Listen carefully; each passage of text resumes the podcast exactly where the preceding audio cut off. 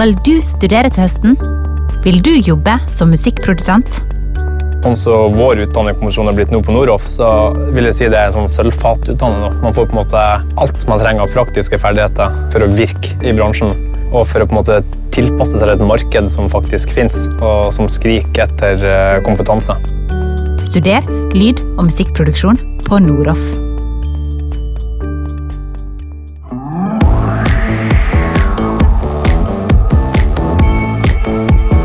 Hei, mitt navn er Ole Henrik Antonsen, og du hører på episode nummer 15 av Bak spakene, podkasten om produsenter, teknikere og låtskrivere. Gjesten i denne episoden heter Magnus Bertelsen. Han har skrevet låter og produsert for en rekke norske suksesser de siste årene, f.eks. Marcus og Martinus, Staysman og Lass, Katastrofe og ikke minst Alan Walker. Jeg møtte han i studioet hans, som ligger i Filmparken på Jar. Dette opptaket ble gjort 2. mars i år, altså før koronatida, og det kan være greit å ha i mente når man hører det her. Så er det noen ord fra Bak spakene sine annonsører før vi går i gang. Denne her episoden lages i samarbeid med Scandic-systemer, som distribuerer miksere fra Digico i Norge. Digico har nylig lansert Quantum 338, som tar miksing et langt skritt framover. Både når det gjelder ytelse og tilkoblingsmuligheter. Quantum 338 har et bemerkelsesverdig kompakt format, og følger på den måten opp Quantum 7 i å definere fremtida for miksing av livelyd. Quantum 338 har en rekke nye designfunksjoner og forbedringer for å skape best mulig fleksibilitet for brukeren, og den er rask, så rask som bare en Quantum kan være i bruk. Den er basert på sjuende generasjons FPGA-er og har en helt ny systemarkitektur. I Quantum 338 kombineres velprøvde arbeidsmetoder med veldig mye prosesseringskraft. Når denne episoden legges ut, så er det altså fire uker siden opptaket med Magnus Bertelsen ble tatt opp. I løpet av her fire ukene så har som kjent det meste i det norske samfunnet blitt snudd på hodet. Daglig så kan vi lese om ulike pakker fra Stortinget som er ment å berge norsk næringsliv, og det er ganske hard kamp om de pengene nå, for å si det forsiktig. Da er det godt å vite at det finnes noen som ivaretar dine interesser. Hvis du jobber med musikkproduksjon i et studio, så gjør Bakspakene sin samarbeidspartner Platearbeiderforeninga det. De har en stemme bl.a. i Musikkindustriens næringsråd, der mer eller mindre samtlige musikkorganisasjoner i Norge er representert. Her gjør Platearbeiderforeninga en heroisk innsats for å tale musikkprodusenter, studioteknikere og studioeiere sin sak. Hvis du ikke er medlem i Platearbeiderforeningen, så kan du bli det ved å gå til platearbeiderforeningen.no. Kontingenten er 550 kroner i året, eller 400 om du er student. Platearbeiderforeningen har også en rekke andre medlemsfordeler som du kan lese om på nettsida, men i den tida vi står i nå, så tror jeg kanskje det å være en del av et fellesskap er det aller, aller viktigste. Sjekk det ut i dag.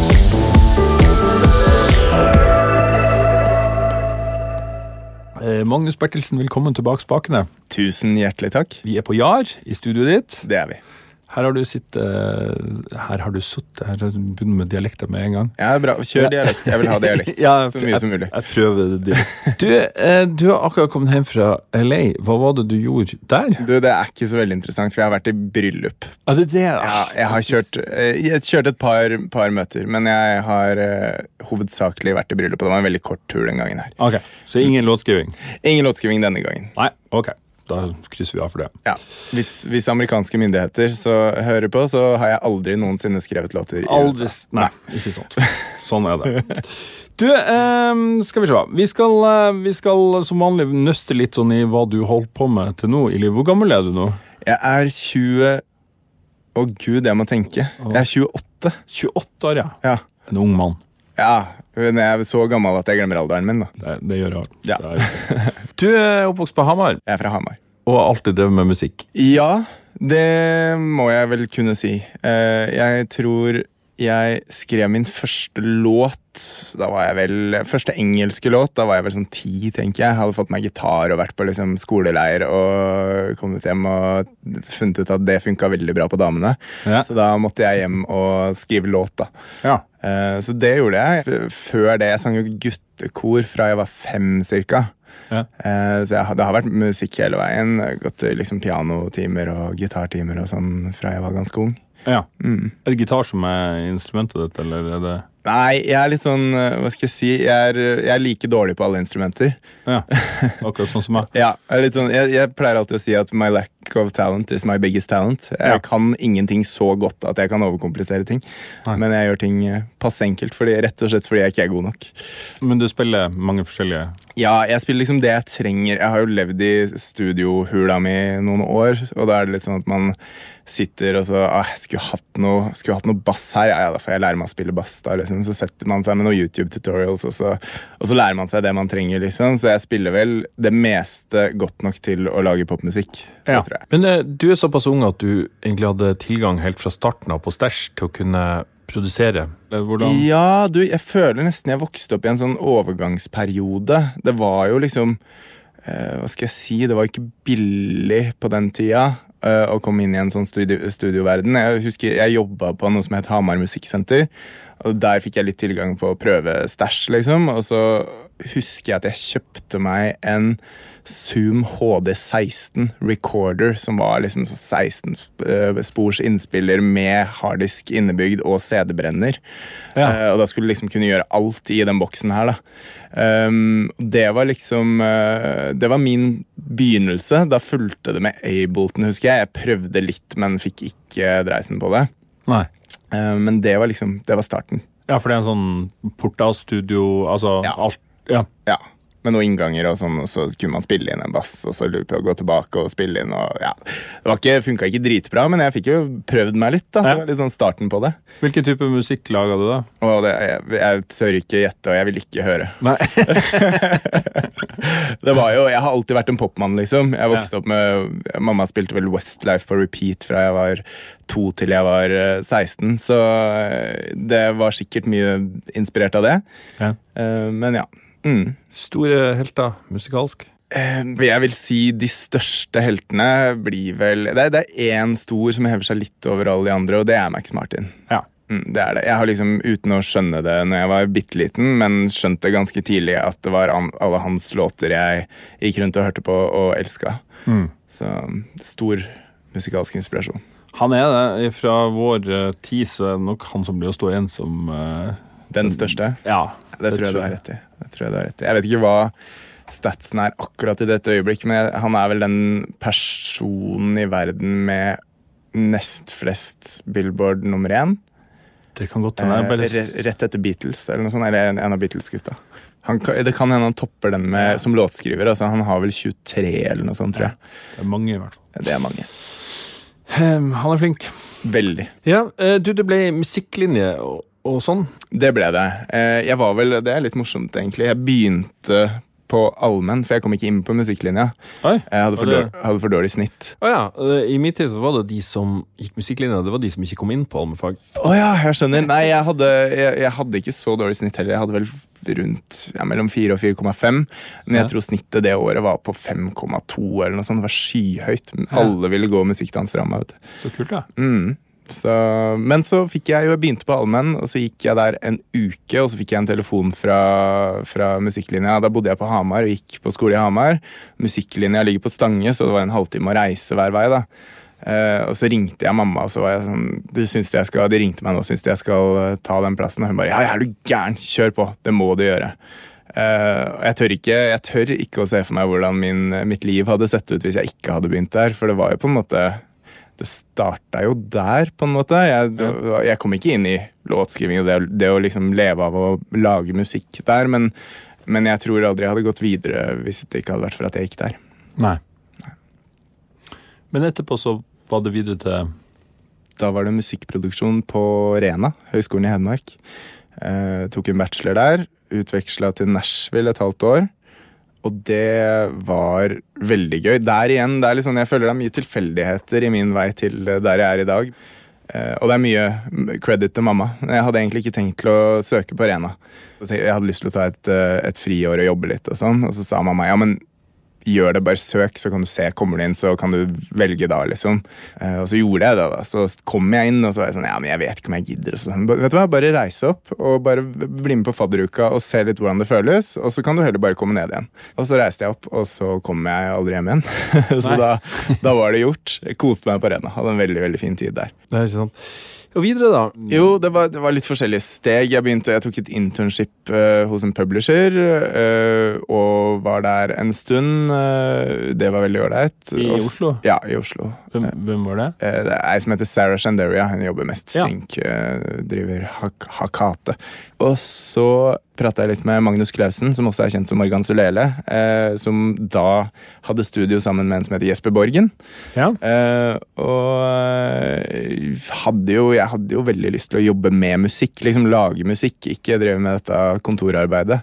Nei. Så jeg eh, ja, dro innom de et par turer. Prata litt og hang litt og prøvde å lage litt musikk. Og så fikk vi en god tone, og så ble det et ledig rom ved siden av de der de hadde studio.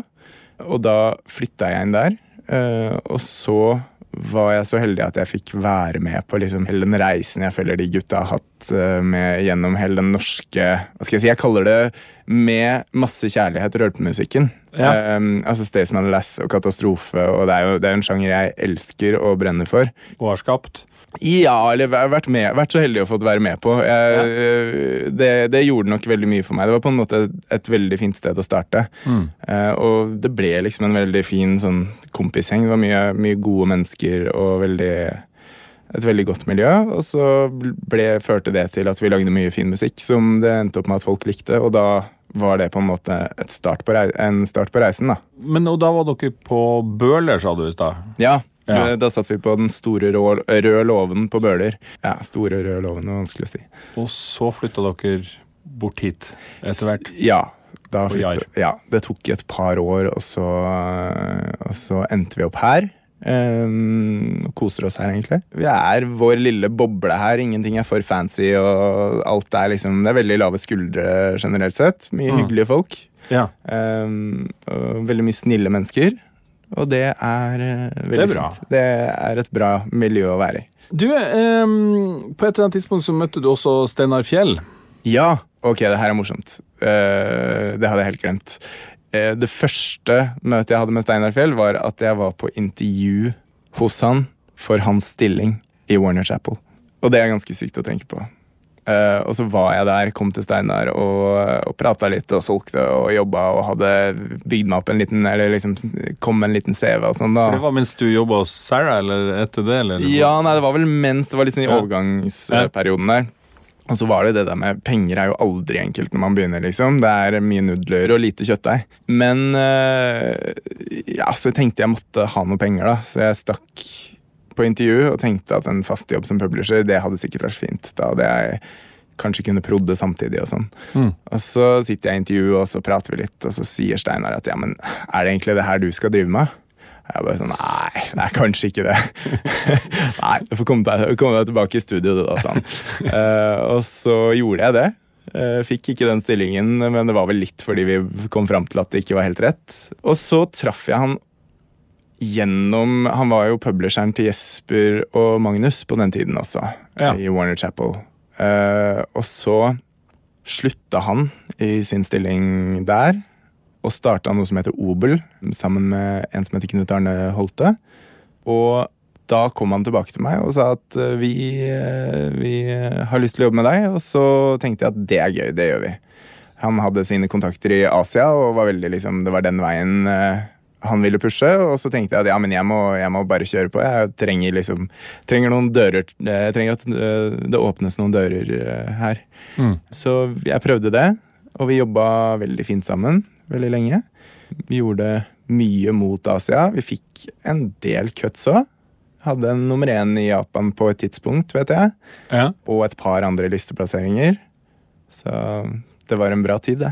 ja, Det skjedde også ganske mye hjemme med Staysman og Les og alle de tingene der. Jo, men det var, det var samme perioden. Altså Steinar var min publisher under den perioden, så det var på en måte, han deala med det også.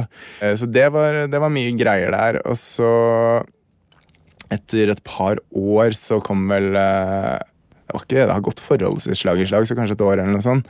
Etter at jeg signa med Steinar, så kom eh, Jon Leiulfsrud til meg. Han er en veldig, veldig flink manager eh, som eh, driver Kompro AS. Han eh, kom til meg og sa du, jeg har signa et par eh, karer som er eh, veldig veldig flinke, og vi har kjempetroa på det. Og det var Marcus Martinus, da. Ja. Han gikk på Rena, han nå, faktisk, tror jeg. Så det kom sånn del... Han huska meg fra Rena, men han hadde fått litt tips og sånn fra Sony da, om liksom låtskriver og sånn. Eh, så endte jeg opp med å gå i studio med de gutta. Tok med meg Erik Fjell på lasset, og så gjorde vi veldig veldig mye for de. Eh, og det funka veldig bra. Det var kjempegøy. Mm. Vi gjorde jo det norske albumet først, og da var det Jeg tror den aller første låta vi gjorde, var 'Plystre på deg'. Tror jeg. Jeg har hørt det her et par ganger. Ja, det tror jeg på. Det var barn, ja. Ja. Ja, jeg tror det var den. Fun fact om den låta er at den plystrelyden det er, eh, Jeg sampla ringetonen til en sånn Sam Samsung-tekstmelding. Ja, Det er en sånn ja, ja. ja. Så tok jeg starten av den. Ah, Eh, altså, da må du ikke si det, blir du saksøkt. Ja, det er, det er det, vet du. Ikke ja, nei, Vi sensurerer hele den Ja. delen. Pip. Nei da, det går fint. Ja. Du, du snakka om han Magnus Klausen, Morgan Sulelle. Han har hatt en ganske fin uh, solokarriere. Ja. Er det noe som du har vurdert sjøl? Ja, hva skal jeg si? Eh, I hele den uh, rølpeperioden så var det jo noe jeg tenkte på. For jeg gjorde jo Jeg sang jo eh, på låtene Bleik og sur og brun og blid, så var det jeg som sang refrengene. Og da var det jo litt sånn Det rulla jo litt for de gutta, og det var noe som var sånn ah, Kanskje man skulle Men så ja, ble jeg mer dratt inn i liksom produksjonsverdenen, og så var det Jeg var vel kanskje ikke klar til å gi opp studiolivet, på en måte, for det er jo mye mer som kommer med den artistpakka, og det er blant annet det å være på veien. da. Det blir mindre tid her. Mindre tid i studio. La oss eh, snakke litt om låtskriving. Ja. Hvordan blir låtene dine typisk til? Jeg føler det har endra seg. Eh, Jeg føler jeg har blitt mer hva skal jeg si, musikalsk smart med årene. Eh, I starten så var det veldig Hva skal jeg si? Man tok mye inspirasjon og måtte liksom ha litt sånn derre frø av ideer for å starte, liksom.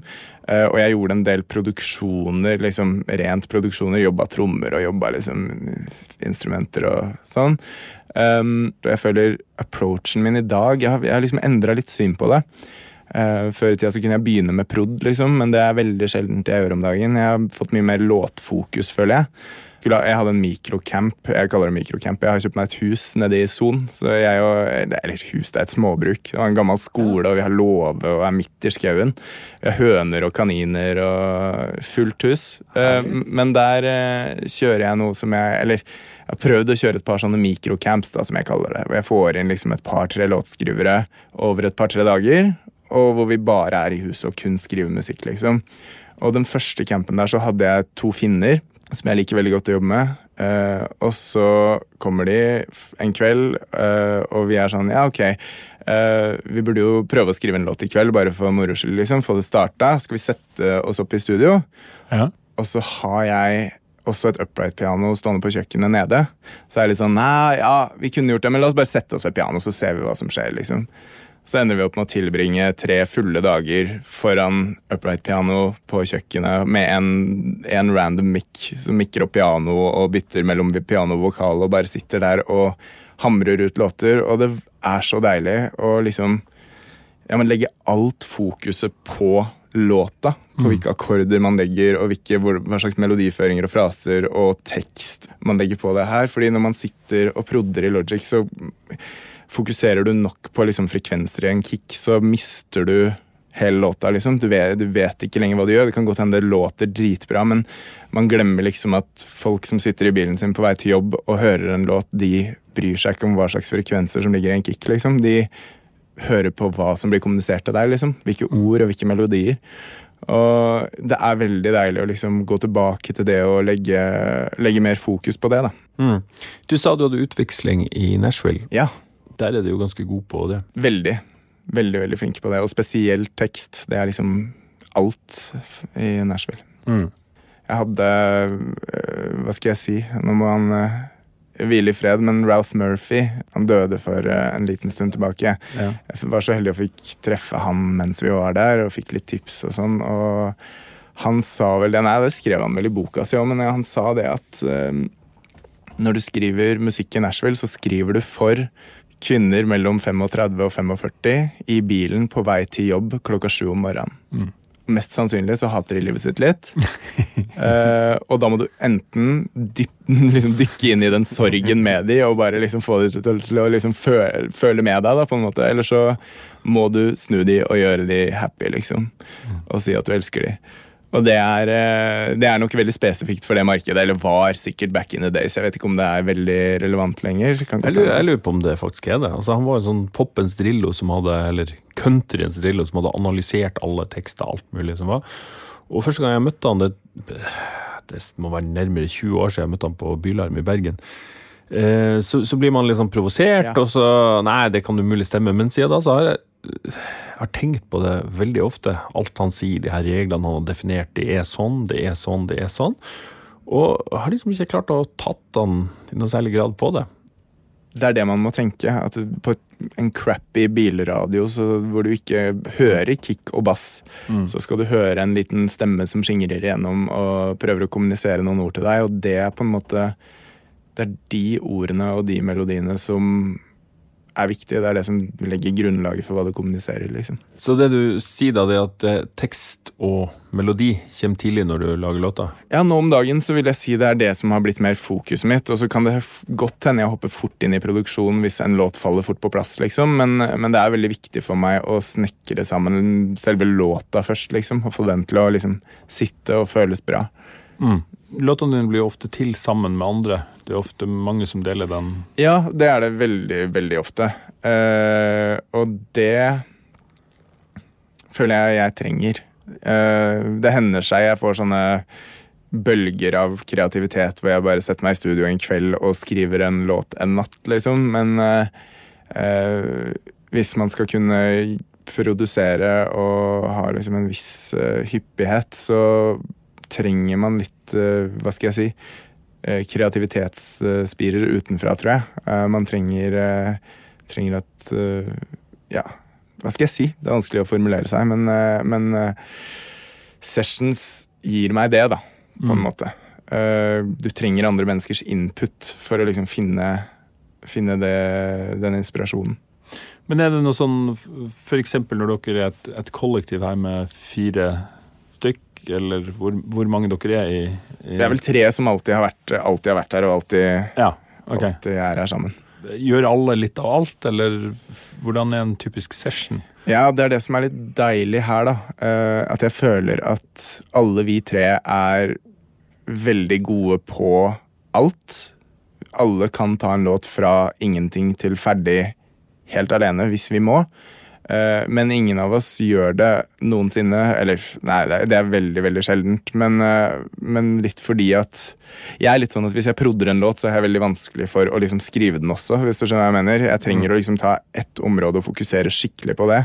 Eh, og det finnes unntak, men det er, liksom, det er veldig deilig å kunne overlate en del av låta til noen som du stoler 100 på, som du vet kommer til å tilføre noe som er bedre enn det du hadde gjort selv. liksom. Og du vet aldri hvem det er som tilfører det som er bedre. Det er liksom avhengig av dagen, og det er litt lotteri, liksom, men det er, blir alltid bedre når vi jobber sammen. Mm. Og vi, gjør jo, vi jobber ikke alltid sammen, vi tre. Vi gjør jo mye sessions hver for oss rundt omkring, men generelt sett så er det med sessions, spør du meg, veldig viktig. Mm. Du bor også sammen med ei som du jobber en god del med. Ja, Oda Evjen Gjøvåg. Det stemmer. Oda Loves You, som Ja. var med i Melodi Grand Prix. Med en låt som dere har skrevet sammen. mm. Hvor, eh, hvordan er det å jobbe sammen med noen som man Det er jo Ja, eh, hva skal jeg si? Vi, var jo, vi traff hverandre for fire år siden, og da var vi ganske fast bestemt på at vi ikke skulle jobbe sammen. Vi var sånn, Nei, det, det ødelegger liksom. Alle har sagt at det er ødeleggende for et forhold, så det må vi ikke gjøre. Det må vi ikke finne på. Og så var det vel, Jeg mener jeg hadde en Max Martinus-session, og så satt vi og hadde en melodi, og alt var liksom veldig kult, men vi hadde virkelig bare ikke tekst. Eh, og så er jeg sånn ah, faen, jeg vet jo at Oda er god på tekst. Det var når vi skulle gjøre ting på engelsk, og Oda er utdanna manusforfatter uh, i LA. ja, Og bodde i LA i seks-sju år, så hun det sitter for hun, de greiene der, liksom. Så jeg var sånn «Ja, Skal vi prøve å sende en MP3-bounce til Oda? liksom? Bare se om hun kom, kommer opp med noe, så kan vi bare la være å bruke det liksom, hvis det ikke funker. Altså, ja, og gutta var helt med. Det var sånn, ja, ja, seff, seff, det gjør vi. Så sendte jeg den over, da. Så gikk det et kvarter, og så fikk jeg helt ferdig utskrevet, en helt perfekt tekst tilbake som bare satt låta, liksom.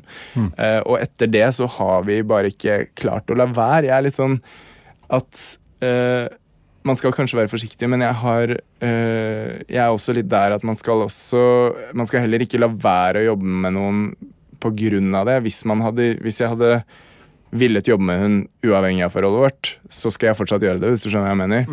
Eh, og det har blitt til at vi har jobba mye sammen sånn. Det, vi har ikke gjort veldig mange sessions sammen, men vi, det er ofte jeg er i sessions her hvor vi liksom sliter med tekst, og da ender jeg alltid opp med å sende det til hun, og så får jeg, får jeg tilbake noe som ingen, av, ingen i rommet kunne liksom tilført. da. Eh, og det har funka veldig bra. Så har vi jo også jobba på hennes greier en del.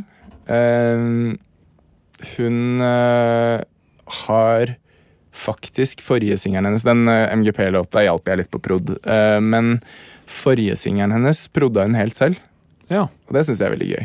Jeg syns det er på tide at vi får litt jenter inn i Ja, prod-gamet. Det kan vi snakke litt om. Det, det må vi snakke om. Jeg er jo um, ganske engasjert i NOPA, og vi jobber jo veldig hardt med kjønnsbalanse og med mangfold.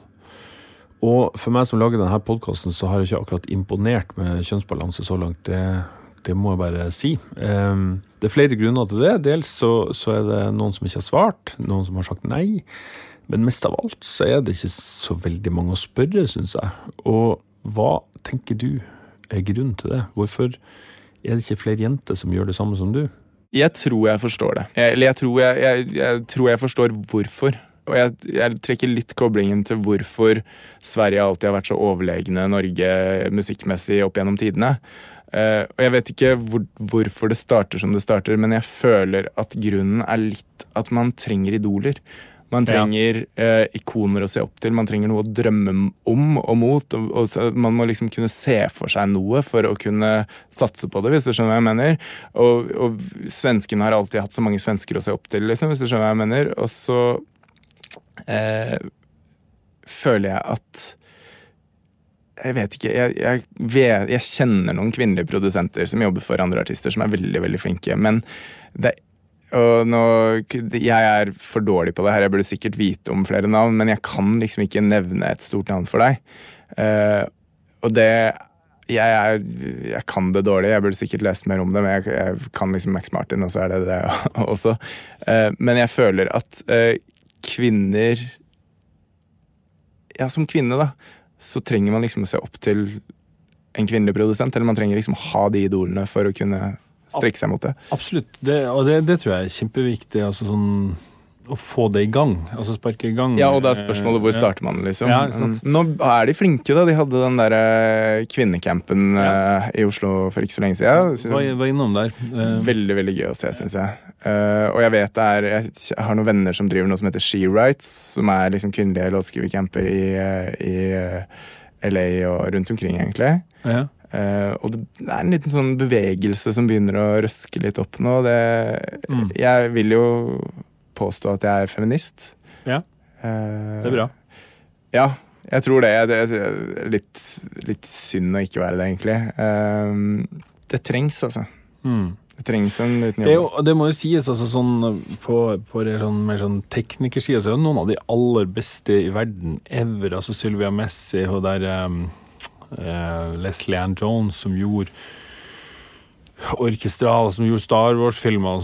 Det, det fins jo noen forbilder fra før, men eh, Det er det at jeg for, det der burde jeg kunne, vet du. Jeg vet ikke hvem noen av de der er. Men eh, burde jeg sette meg inn i. Sylvia Messi jobba masse for Prins. Han var jævlig god på å finne jenter som var gode til Jeg vet ikke om det var hans Han var så liten, han, de måtte Men han, han fant jo fram til masse musikere.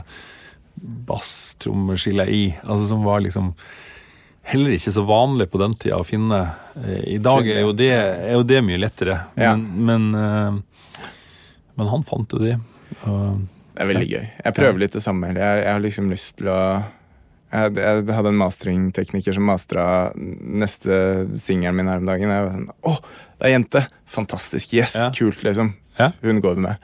Det, man skal ikke gjøre det ukritisk og på, på bekostning av kvalitet, men det er som oftest ikke det uansett. liksom. De er flinke, disse jentene. det er det. Mm. Det er ikke noe farlig. Det er ikke det, vet du. Nei. Eh, Litt tilbake til låtskriving. Har du vært mye rundt på sånn skrivecamper? Ja. Er det svaret på alle våre utfordringer? Eh, Løsningen på alle verdens problemer. Ja. um, ja og nei. Jeg føler at en bra writing camp er noe av det beste i verden, liksom. Og det kan, det kan gjøre alt for deg.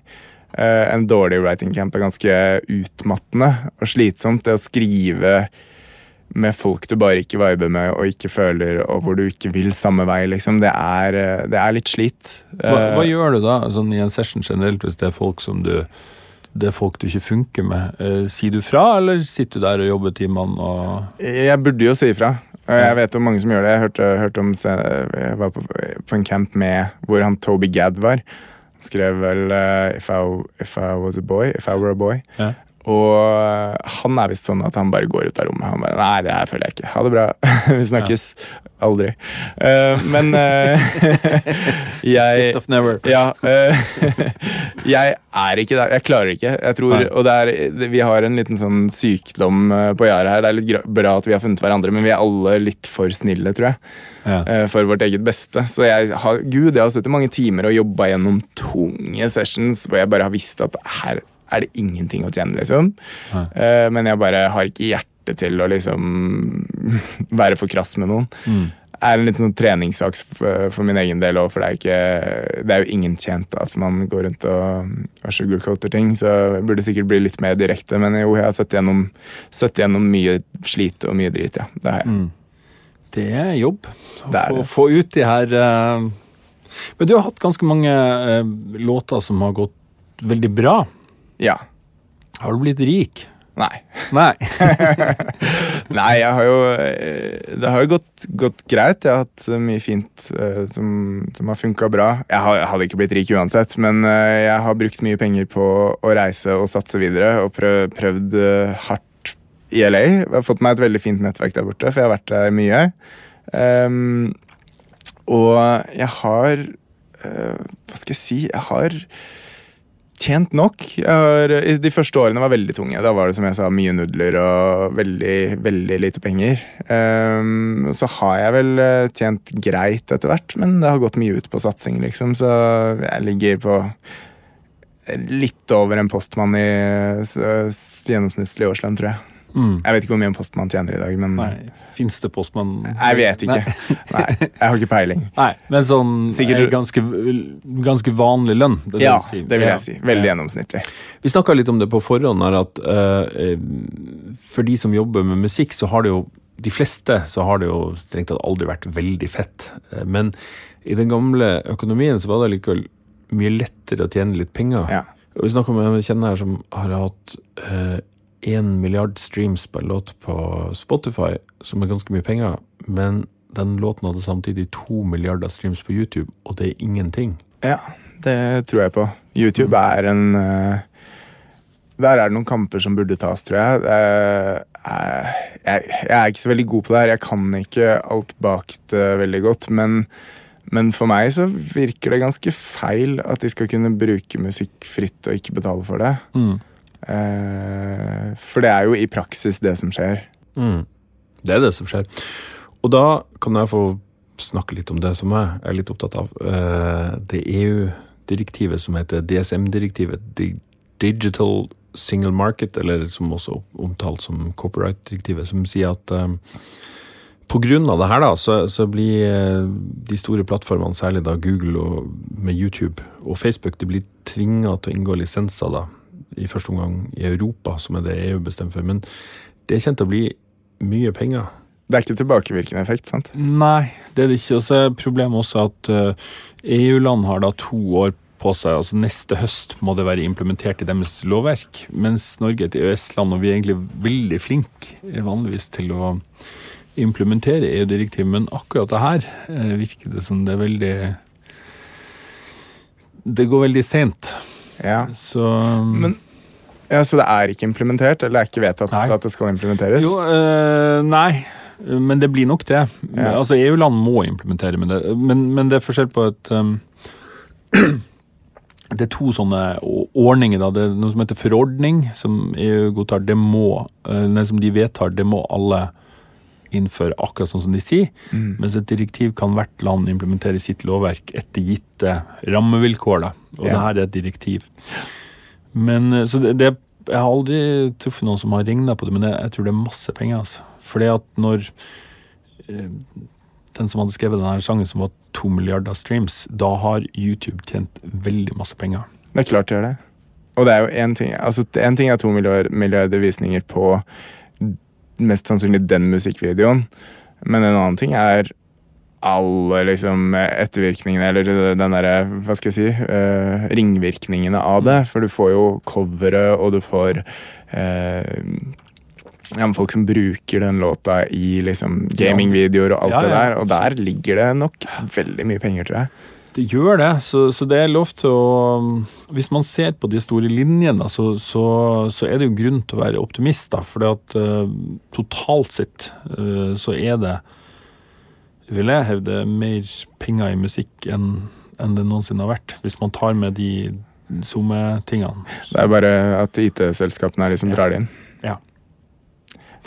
Kortene er lagt på nytt. Og det mm, får man se hva man klarer å, gjøre med det, men det Men det er, altså jeg er litt der at det er klart de skal tjene penger på sine løsninger og sine plattformer. Det gir mening, men at de skal sitte og tjene alt, det er ikke rettferdig. Og de er kanskje vant med det, fordi de har bare fått det sånn fra start, liksom. De er vant til det, de betaler ikke skatt eh, til noen land i verden eller noen ting. Og, og det, og hvis du ser, eh, Spotify er mye utskjelt også, men du kan si hva du vil om Spotify, men de betaler altså nesten 70% av pengene de får inn, betaler de ut til rettighetshavere.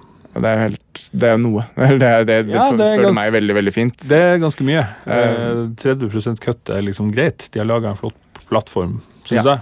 jeg er enig. Men uh, Det er, du har jo de store synderne. Det er YouTube, og det er eh, alle de. det er de vi må slåss mot. Ja. Vi får se. Du, uh, ja. Vi må nøle litt også. Ja. Fortell litt om um, studieoppsettet ditt. Ja, ehm, det er ikke veldig magisk. Det er ikke sykt mye greier her, men jeg har alltid hatt én, ting for meg, og det er at jeg trenger én skikkelig god chain. Ja. Uh, og det har jeg alltid jobba for. Så for meg så handler det om en god mic inni en god preamp, eventuelt en kompressor eller noe sånt, og så inni et uh, ok lydkort, liksom. Uh, så for meg så er det en Neumann U87 Ja. Inn i Prat i nå. Ja, det er den jeg snakker i nå. Eh, høres fint ut, ikke sant? Ja, veldig bra. Du, Den går faktisk gjennom en, eh, en Pultic-klone. Dras litt opp rundt 10 kHz. Er det det som er litt den, den kjipe, spisse Nei da. Den, den gjør ikke det nå, for nå går den rett inn i en uh, Zoom med ganske dårlige preamp. Ja. men, men det funker bra. Det er fint.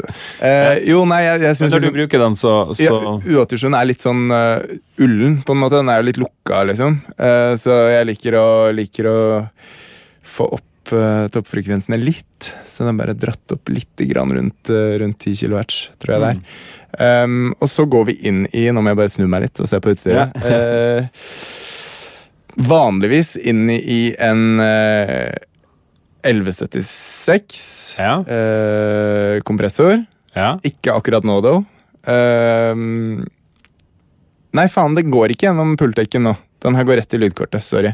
Ja. Trekker alt det der tilbake. ja. Uh, men vanligvis, inn- Vanligvis. gjennom en Pultec-klone, uh, en 1176-kompressor, og inn i en 10, uh, Heritage Audio 1073-klone. Preamp.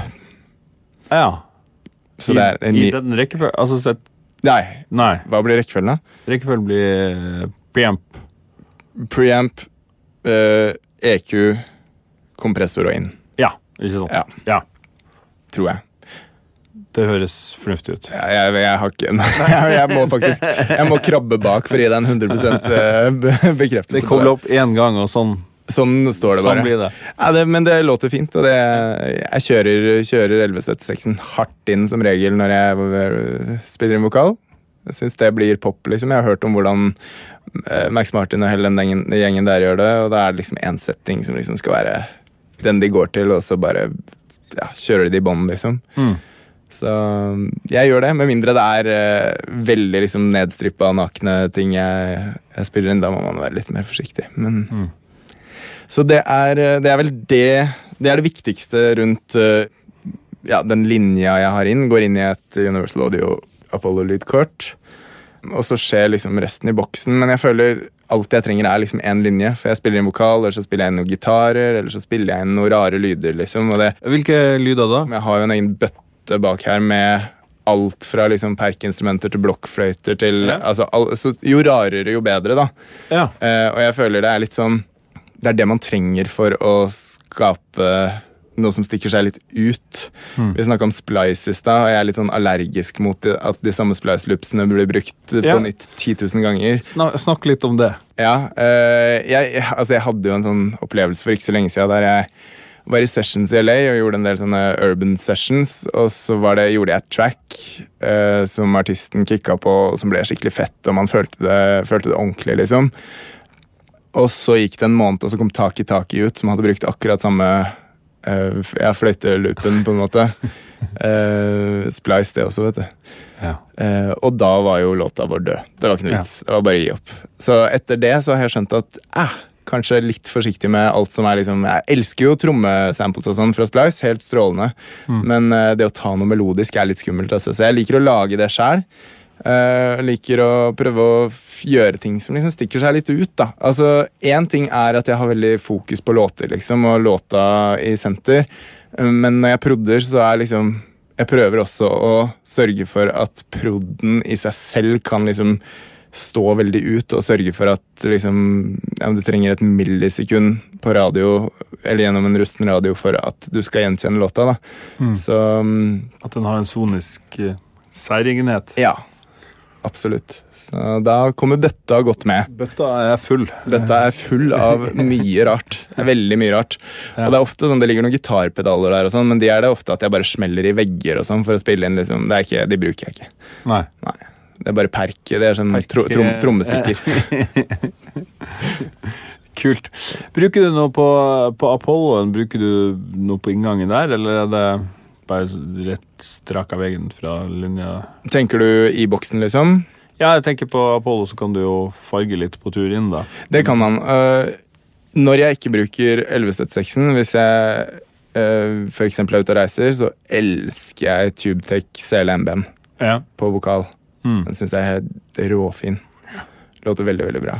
Eh, ellers så er det vel ikke så mye Siden jeg har liksom 1073 preampene og sånn, så bruker jeg bare Bruker jeg bare den. Um, jeg har brukt litt Universal Audio 1176 også, når jeg ikke har 1176-en her. Det kommer litt an på type låt, liksom. Mm. Uh, 1176-en blir litt hardere, liksom. Litt mer sånn pop. Ja.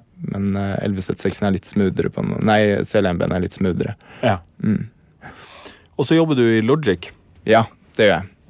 Hardnakka logic. Nei, det er jeg ikke så Alltid gjort det, eller? Ja, jeg har alltid det, og det var liksom fordi det var det vi begynte med på Arena. Jeg har vurdert å bytte noen ganger. Jeg lærte meg altså Pro 2 som forholdsvis godt på et tidspunkt. Eh, Jobba litt, veldig lite i Cubase, liksom så vidt dykka litt inn i det. Um, og jeg kan liksom finne veien rundt i de fleste DOS, men det er Logic jeg er trygg på. liksom. Det er, jeg, det er som min egen lomme, på en måte. Mm. Hvis du skulle bytte, hva ville du bytta til da? Hadde du spurt meg for eh, to år siden, så hadde jeg sagt Cubase. Eh, Men nå har det jo kommet Studio One på markedet òg. Studio One er noe som Det har vært der lenger enn Ja, det har vært der lenge, men det har begynt å liksom virkelig eh, røre seg litt. Det er mange som bruker det. ja, ja, du møtte mange som Ja, det er overraskende mange som har Ja. bytta, eller av kids som liksom begynner med det. da, og det er fascinerende. Det virker som det er en veldig god workflow eh, i det. Du har jo integrert Melodyne, og det er veldig sånn, det er mye fine ting. Så jeg vet ikke, enten Cubase eller det, Mm. tror jeg. Um, fordelen med Cubase er jo at man kunne jobba på PC. Jeg er jo Mm. låst til Mac, ikke sant, så um, eh, Ja, det er, man får jo mindre for pengene i den Mm. verden jeg lever i. Men eh, ja, nei, Logic jeg, Det er litt sånn Det er litt irrelevant òg, med det fokuset jeg har. Uh, som er veldig liksom, låtsentrert. Det jeg trenger, er å kunne spille inn lyd, liksom. mm. Uh, det er det aller, aller viktigste. Og da er det Og Cubase og, og, og Logic er jo sikkert ganske likt, da. Det er det jo egentlig. altså Så lenge jeg kan trykke record, få inn audio og lage nye spor, så er det liksom ganske greit, da. Jeg tenker sånn, Ableton har liksom noe, noe annet, men mangler jo sikkert masse ting òg. Det er i hvert fall en litt annen grei Ja. som mange jobber med av den grunn, da. Men Logic er jo bra, tror jeg. Ja.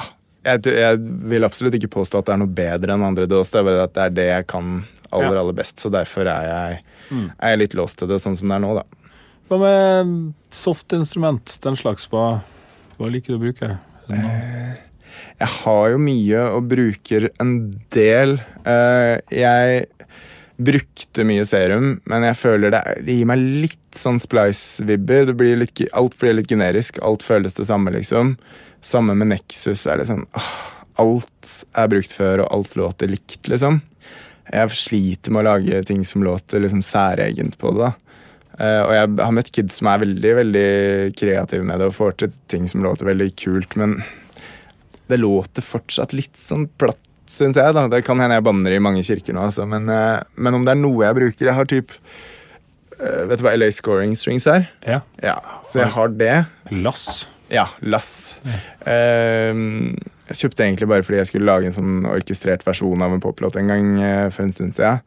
Ehm, men jeg har endt opp med å bruke det mer enn mye annet, egentlig. Det er liksom, du har litt sånn quirky, veldig ekte organiske ja, men, eh, altså, Bratsch-leads og sånn, med liksom glissando og sånn. Og det, det er sånne ting som er veldig mye mer anvendelig i det jeg ser som liksom låtproduksjon, da. For jeg føler eh, der kan du lage noe som låter særegent. Hvis du skrur litt og mekker litt og kødder litt, så kan det bli ganske kult, da. Mm. Andre ting som er verdt å nevne i Ja, ikke vær redd for å prøve det. Nei. Hva enn det er du tenker på. Jeg er jo en fyr som kødder mye, og jeg lager veldig mye som er veldig stygt. Men det er litt fordi jeg, jeg må heller bare gå altfor langt, liksom.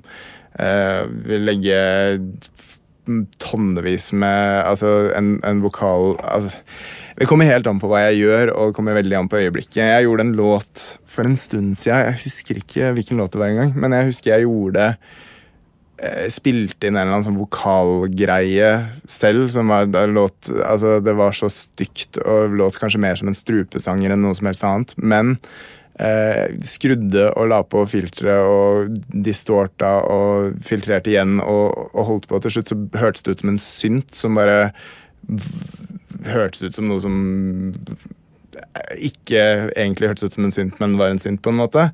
Og da, da, Det var liksom noe som folk bet seg litt merke i. Sånn, Oi, hva faen er den lyden der, liksom? Ja. Det låt sær, særegent. Det er litt sånn det er en måte jeg liker veldig godt å jobbe på. da. Eh, prøv, jeg som sagt prøver alltid å sørge for at ting står litt ut. Og veien til målet er forskjellig hver gang, føler jeg. Men, eh, men eh, jeg prøver alt. Alltid. mm. alt. Går gjennom hver eneste plugin på lista. Nei, jeg gjør ikke det. Men, eh, men jeg prøver veldig mye rart. Jeg får mye rare ideer, og så, og så tester jeg det, liksom. Hvor lenge kan du jobbe på en låt? Eh, Det varierer veldig. Jeg føler, sånn som når jeg hadde den mikrocampen min, så kunne vi hamre ut en låt på et par timer, liksom. Og så kunne man ha en decent demo etter en time til, liksom. Mm. Men for ferdig, liksom, leveres til master-type Det er egentlig ikke den aktive tiden jeg jobber med det. Jeg føler det handler mer om tiden mellom jeg hører på det. Eh, Jeg trenger litt tid for å få avstand, komme tilbake og liksom sette miks skikkelig, liksom, hvis du skjønner hva jeg mener. Ja, så Så- Du lar det modne litt og litt sånn uh... Ja, Si at jeg aktivt minimum trenger to dager, men helst da én dag, og si det en uke, og så en dag til for å sette det, liksom. Og så Noen ganger så bruker man, bruker man veldig mye mer tid. Jeg husker med Marcus Martinus på det engelske albumet, så var det jo en del flere faktorer inne i bildet som gjør, gjorde det veldig tidsomfattende. Og det var annet at de skulle synge på engelsk, og og i utgangspunktet hadde ikke verdens beste engelskuttale, så det var noe vi måtte jobbe med. Eh, de var også på vei gjennom stemmeskiftet, noe som var en kjempeutfordring. Eh, så da hadde man liksom For det første skulle de gjøre en poplåt. Eh, det skulle være hooky, og så skulle man spille inn vokal, og så skulle man i tillegg få disse to elementene til å sitte, og da var liksom det var mange runder med vokaltracking og veldig mye. Jeg reiste til Trofors og spilte det inn nede i kjelleren deres Ja. eh, ganske mange ganger. Det var eh, Ja.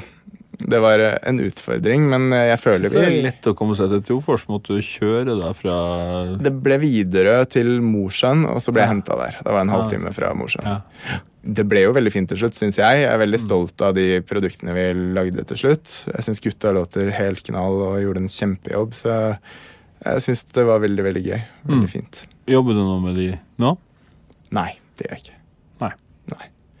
Det er en stund siden sist. Det har bare blitt sånn. Liksom, det, er ikke noe, det er ikke noe dårlig Jeg elsker de gutta. De er som brødre for meg. Så Ja. ikke noe vondt blod i det hele tatt. Men Det eh, har bare blitt sånn. Det har blitt mye å gjøre for meg og mye å gjøre for de på forskjellige kanter. Og de er jo, kommet til et punkt der når vi starta å jobbe sammen, så var, lagde vi låtene, og så var det det som skulle ut. Og nå sitter en Arne dems på mapper med sikkert 100, om ikke 500 låter å velge mellom, liksom. Så det er en litt annen, det er en litt annen business, eller verden for de også, på en måte, hvis du skjønner hva jeg mener. Mm. Så mm, ja. Vi må snakke litt om Alan Walker. Ja. Han har du jo også jobba en del med. Ja, jeg har vært så heldig. Det er stort sett gjennom Hva skal jeg si? Det er litt tilfeldigheter der, men det er Jesper Borgen, eh, som sitter borti gangen, eh, han skrev jo 'Faded' sammen med Anders eh, Frøen og Gunnar Greve. Ja. Tracka hadde jo Allan produsert på forhånd, eh, så det var liksom eh, Det er mange som spekulerer i om Allan egentlig gjør noe. Det gjør han. Det Ja. tracket der er all Allan, altså. Veldig, veldig eh, dyktig kid. Kid, jeg kaller det nye Ja, ja. Men nei, han er absolutt ingen kid lenger, men uh, veldig, veldig flink. Uh, og så var jeg så heldig at jeg satt med Jesper på den tiden, og det er sånn det er litt sånne tilfeldigheter som skal til, liksom. Men uh, så fikk jeg være med på oppfølgersingelen, som heter Sing Me To Sleep. Og den er jeg veldig stolt av. Jeg syns det er en kjempefin låt. Mm. Og den har gjort det veldig bra også, etter forholdene, syns jeg. Og så er- har hele Mer-gjengen, som jeg også er veldig glad i, veldig fine folk, eh, inkludert meg og hold, tatt meg med på liksom Allan Camps da, oppe i studioene sine i Øvre Slottsgate. ja. Og der eh, har det blitt til noen flere. Og så kommer det vel Jeg mener det kommer en singel nå i mars, jeg, faktisk. Som jeg også har vært med å skrive. Fun fact er at låta er fem år gammel, så låta har ligget der lenge. Nettopp. Mm. Og den har hele tida vært klar at den skulle på, eller er det Nei, noe som er plukka opp nå? Eller det har vært litt av og på. Jeg tror Gunnar alltid har likt den veldig godt. Og så har det Ja. vært veldig sånn fram og tilbake og av og på. Alltid elska låta, men de har slitt med å løse dropp og sånn, liksom. Og så har de funnet ut av det til slutt, og så, og så blir det en singel, da. Hvem er det som bestemmer i en sånn camp som han holdt på å si, med en sånn type artist som har sikkert avtaler både her og der? Er Hvilke, de- altså hvilke låter som ender Ja. opp med å bli. Eh, Ja. Det er en kombinasjon av faktorer. Jeg tror den mektigste mannen i det sirkuset er nok Gunnar. ja. Eh, han eh, sitter Jeg vet ikke helt hvordan strukturen er der oppe nå, men jeg tipper han er Allans manager og label, på en måte, for jeg mener det er mer som slipper ting, liksom. ja. Eh, og så har de vel en Har de hatt lisens med Sony, tror jeg det er. Og så har han vel vært signa på publishing på Jeg vet ikke, jeg tror det var Sony ATV. Uh, men jeg tror, publishing tror jeg ikke har noe å si på hvilke singler som skal slippes. Men jeg tror Gunnar sammen med liksom et helt A&R-team fra Sony har vært liksom eh, de som tar avgjørelsene. da. Mm. Eh, og sikkert, Det er sikkert Gunnar som tar avgjørelsen om hva som skal ut, men det er jo ikke noe vits for han å slippe noe som ingen andre føler, og ingen kommer Nei. til å pushe, liksom. Så det er jo en sånn dynamikk der òg, vil jeg tro. Mm. Nå bare spe spekulerer jeg, det har jeg ikke peiling på. Men Ja. eh, jeg, det er sånn jeg ser for meg at det er. Du høres logisk ut. Du, eh, som jeg spurte vel ikke om det, men miksing, eh, gjør du det sjøl, eller gjør dere det sammen? Ja, eh, jeg har alltid måtte det. Jeg har aldri følt at jeg har liksom funnet eller møtt noen som har vært gode nok på miks til å gjøre det bedre enn meg, på en måte, hvis du skjønner hva jeg mener. Uh, og det er Det er ikke for å være arrogant, men jeg har liksom hatt en visjon med det selv, da, på en måte, og visst hvor jeg ville, jeg ville ta det. Og når man da har referanser, og sånn, så kan man like gjerne bare dra det i land sjæl, og så får man la det være opp til mastering og liksom få heisa det det siste nivået. Mm. Um, så jeg har gjort mye miks sjæl. Uh, jeg har i det siste begynt å få ting stemsmastra. Ja. Uh, så jeg bouncer liksom kick Det viktigste for meg er liksom bounce kick og bass for seg, fordi bunn er det jeg Det er kanskje min største utfordring. Det å få liksom low-enden til å sitte skikkelig. Um, så uh, har Ja, da har jeg som regel sendt av gårde liksom kick, bass, vokal Øvrige trommer og resten av instrumentene. Så fem forskjellige filer, da. Mm.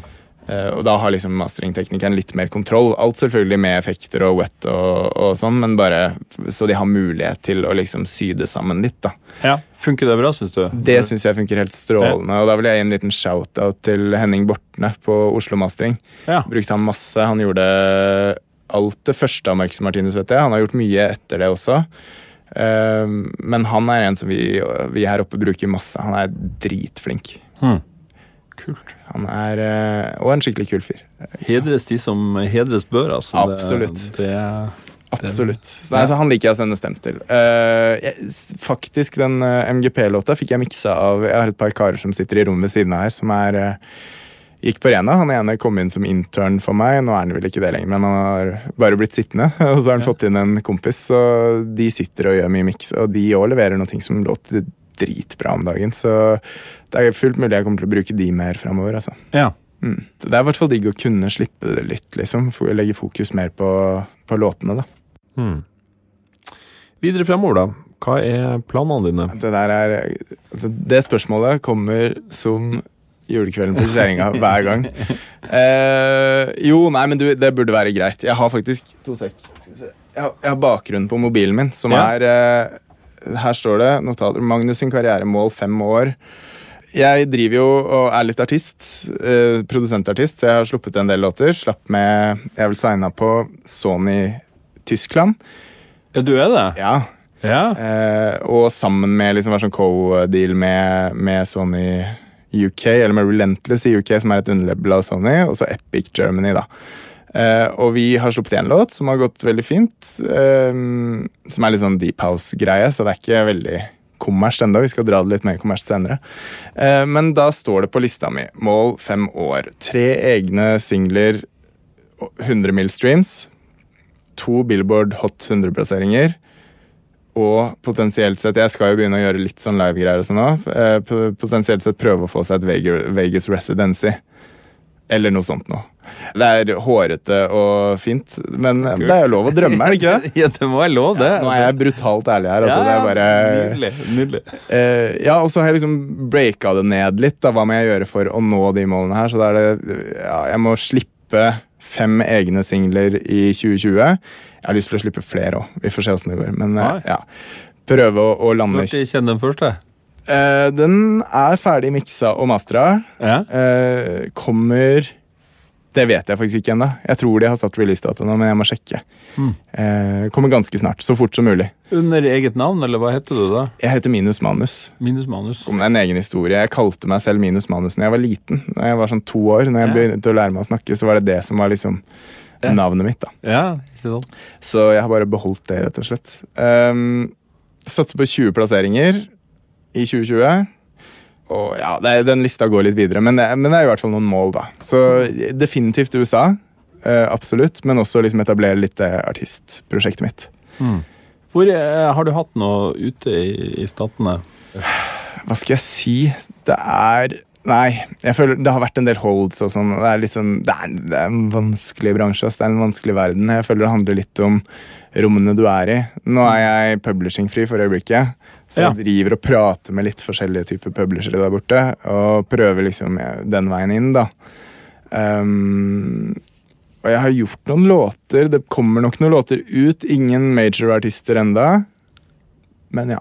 Forhåpentligvis i løpet av de neste fem årene. Har du vurdert å dra over, eller være der i lengre perioder, eller hvordan Jeg har jo vært der mye, eh, men ikke i lengre perioder. Eller jeg har vært liksom en måned om gangen. eh, sånn fire ganger i året, type, liksom. Mm. Eh, men absolutt tenkt på det. Jeg er litt sånn er et sted i livet nå hvor det er veldig, veldig usikker på hva jeg skal gjøre. For jeg er Jeg har, som jeg nevnte tidligere, et godt nettverk der borte, og mye folk, mye venner som begynner å få til veldig fine ting, som er veldig åpne og veldig lyst til å involvere meg i ting. Så jeg er litt sånn Jeg føler veldig på at jeg burde være der borte. Men det er også en utfordring med tanke på Det er visum, og det er penger, og det er Det er vanskelig. Det er litt derfor jeg driver og ser på publishing deals, fordi jeg føler liksom kanskje jeg må det for å klare å satse skikkelig, liksom. Mm. Jeg vet ikke. For å ha cashen, ja. Man skal liksom Nå har jeg et hus i Norge, og jeg har ikke, jeg har ikke så lyst til å selge. Så jeg må liksom klare å beholde det, men flytte over og Mm. bo et sted og Ja. Ja, det er det som er bøygen. Det er vanskelig, ass. Det er eh, virkelig en utfordring, men eh, vi får se. Mm. Jeg skal gjøre mitt beste. Jeg tror nok det kommer til å bli en lengre tur over i løpet av nærmeste framtid. Det Mm. tror jeg. Det er bra. Har du noe råd til andre som ønsker seg inn i til å gjøre det som du gjør? Bransjen, Ja. eh, hold dere langt unna. Nei da, ja. jeg tuller. Eh, Det er idioter som har hørt så langt som det her uansett. så de, de er det ikke noe håp for. Det er sånne som meg og deg. Eh, nei, hva skal jeg si? Det, altså Nummer én, lag bra musikk. Fokuser på det. Fordi jeg føler at god musikk, hvis det blir hørt, vinner til slutt uansett. Lag noe som er autentisk. Ikke hør på topp 50 på Spotify. Det er ikke der du finner inspirasjonen. Da lager du noe som er nesten bra som det som funker i dag. Allerede. Eh, hør heller på hits fra 60-tallet, liksom, eller hva enn. Nummer to, politikk er viktig. Eller ikke politikk, men hvem du kjenner, og nettverk, og, og eh, liksom hvordan du posisjonerer deg i bransjen. Så eh, bli kjent med folk. Du, det er mange musikere som ikke er så veldig utadvendt, som er veldig innadvendt og veldig liksom, musiker, sånn kreative bobler. Eh, bare tving dere selv litt, fordi det er nødvendig. Og det er Jeg kan, kan se for meg at det er veldig mye ekstremt bra musikk som går tapt der ute, fordi det sitter en for introvert eh, produsent og bare holder på det, liksom. Uh, tving dere selv til å møte litt. Ikke vær redd for å liksom gi fra dere en bit av kaka. Bare vær litt åpen og lev, liksom. Uh, få det ut. Mm. Det er viktig å få ting ut. Det er det, altså. Det er Ellers får man aldri se om det egentlig er Nei, det, det fins liksom ikke før det er ute. Nei. Uansett hvor bra det er. Det er vanskelig i dag òg. Jeg tror det er mye bra musikk som slippes som ikke havner på radaren til folk i dag også. Fordi det er, eh, det er sykt mange som prøver å få til å streame, som bare ikke får det til, liksom. Mm. Eh, Det er veldig vanskelig. Og det er egentlig bare Spotify som sitter på den makta, så det er eh, Det er det. Det er utfordrende. Det er jo Når Spotify kom, eller når strømming og alt det her eh, nye plattformer kom, så var det skulle bli liksom sånn bort med ga- gatekeeperne som de gamle plateselskapene var, men det er jo Nå er det Spotify som har blitt det. Ja, det er verre enn noensinne. Mm. Altså, det er jo eh, Hva er det da? Om dagen? 10 000 sanger eller noe sånt Ja. hver dag. Tenk det. Det er helt sykt. Det skal litt til for å bli den som eh, går opp på den der Global Top 50-lista. da. altså. Ja. Eh, Vi hadde jo en bølge i Norge, eller i Mm. Skandinavia, back in Ja. the days, hvor du liksom havna du topp 50 i ja. Norge, Sverige, Danmark, så var det topp 50 global, liksom. Og det er litt den bølgen Astrid havna på, blant annet. Ja. Uh, Astrid er jo virkelig verdens beste artist. Hun er dritbra, liksom. Men hun havna også på en sånn Hun var litt heldig med den bølgen hun havna Ja. på. Uh, og Det var et vindu. Ja, det var det. Det var et vindu, og det er definitivt ikke der lenger. Nei.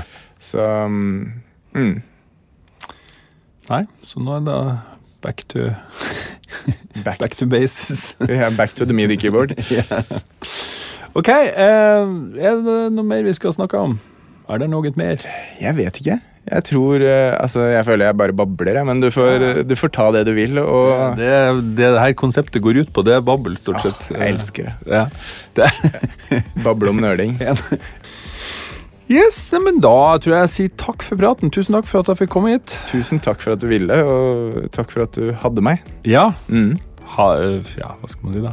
Ha en fin dag. Det er lov, det. Ha, ha en fin dag. Vi, Vi, vi, det er lov, vet du hva? vi kan ønske alle lyttere en fin dag. alle det er hyggelig. Ja, fin dag. Ja. Uansett om de hører det her i juni, så Ja, men da blir det i hvert fall en fin dag. Ikke sant? Da trenger de det egentlig ikke. Du kan spare den til, spare den til desember. Ikke sant? Ja. Vi holder den til jul. Ok, Yes. ha det bra. Ha det. Ha en god dag, sa Magnus Bertelsen med godt humør i det som kjennes ut som en annen tidsregning enn vi er i nå. Som sagt, opptaket ble gjort 2. mars, ehm, og det er nok grunn til å roe ned min optimisme for videre vekst i musikkbransjen en smule, i hvert fall på kort sikt. Men uansett, det gjenstår bare for meg å takke Noroff, Scandic og Platearbeiderforeninga som gjør det her mulig. I dag så fikk jeg faktisk eh, faktura på kontingent i Platearbeiderforeningen. Der har jeg kunde nummer tre, og den skal jeg betale med glede når jeg er ferdig med det her.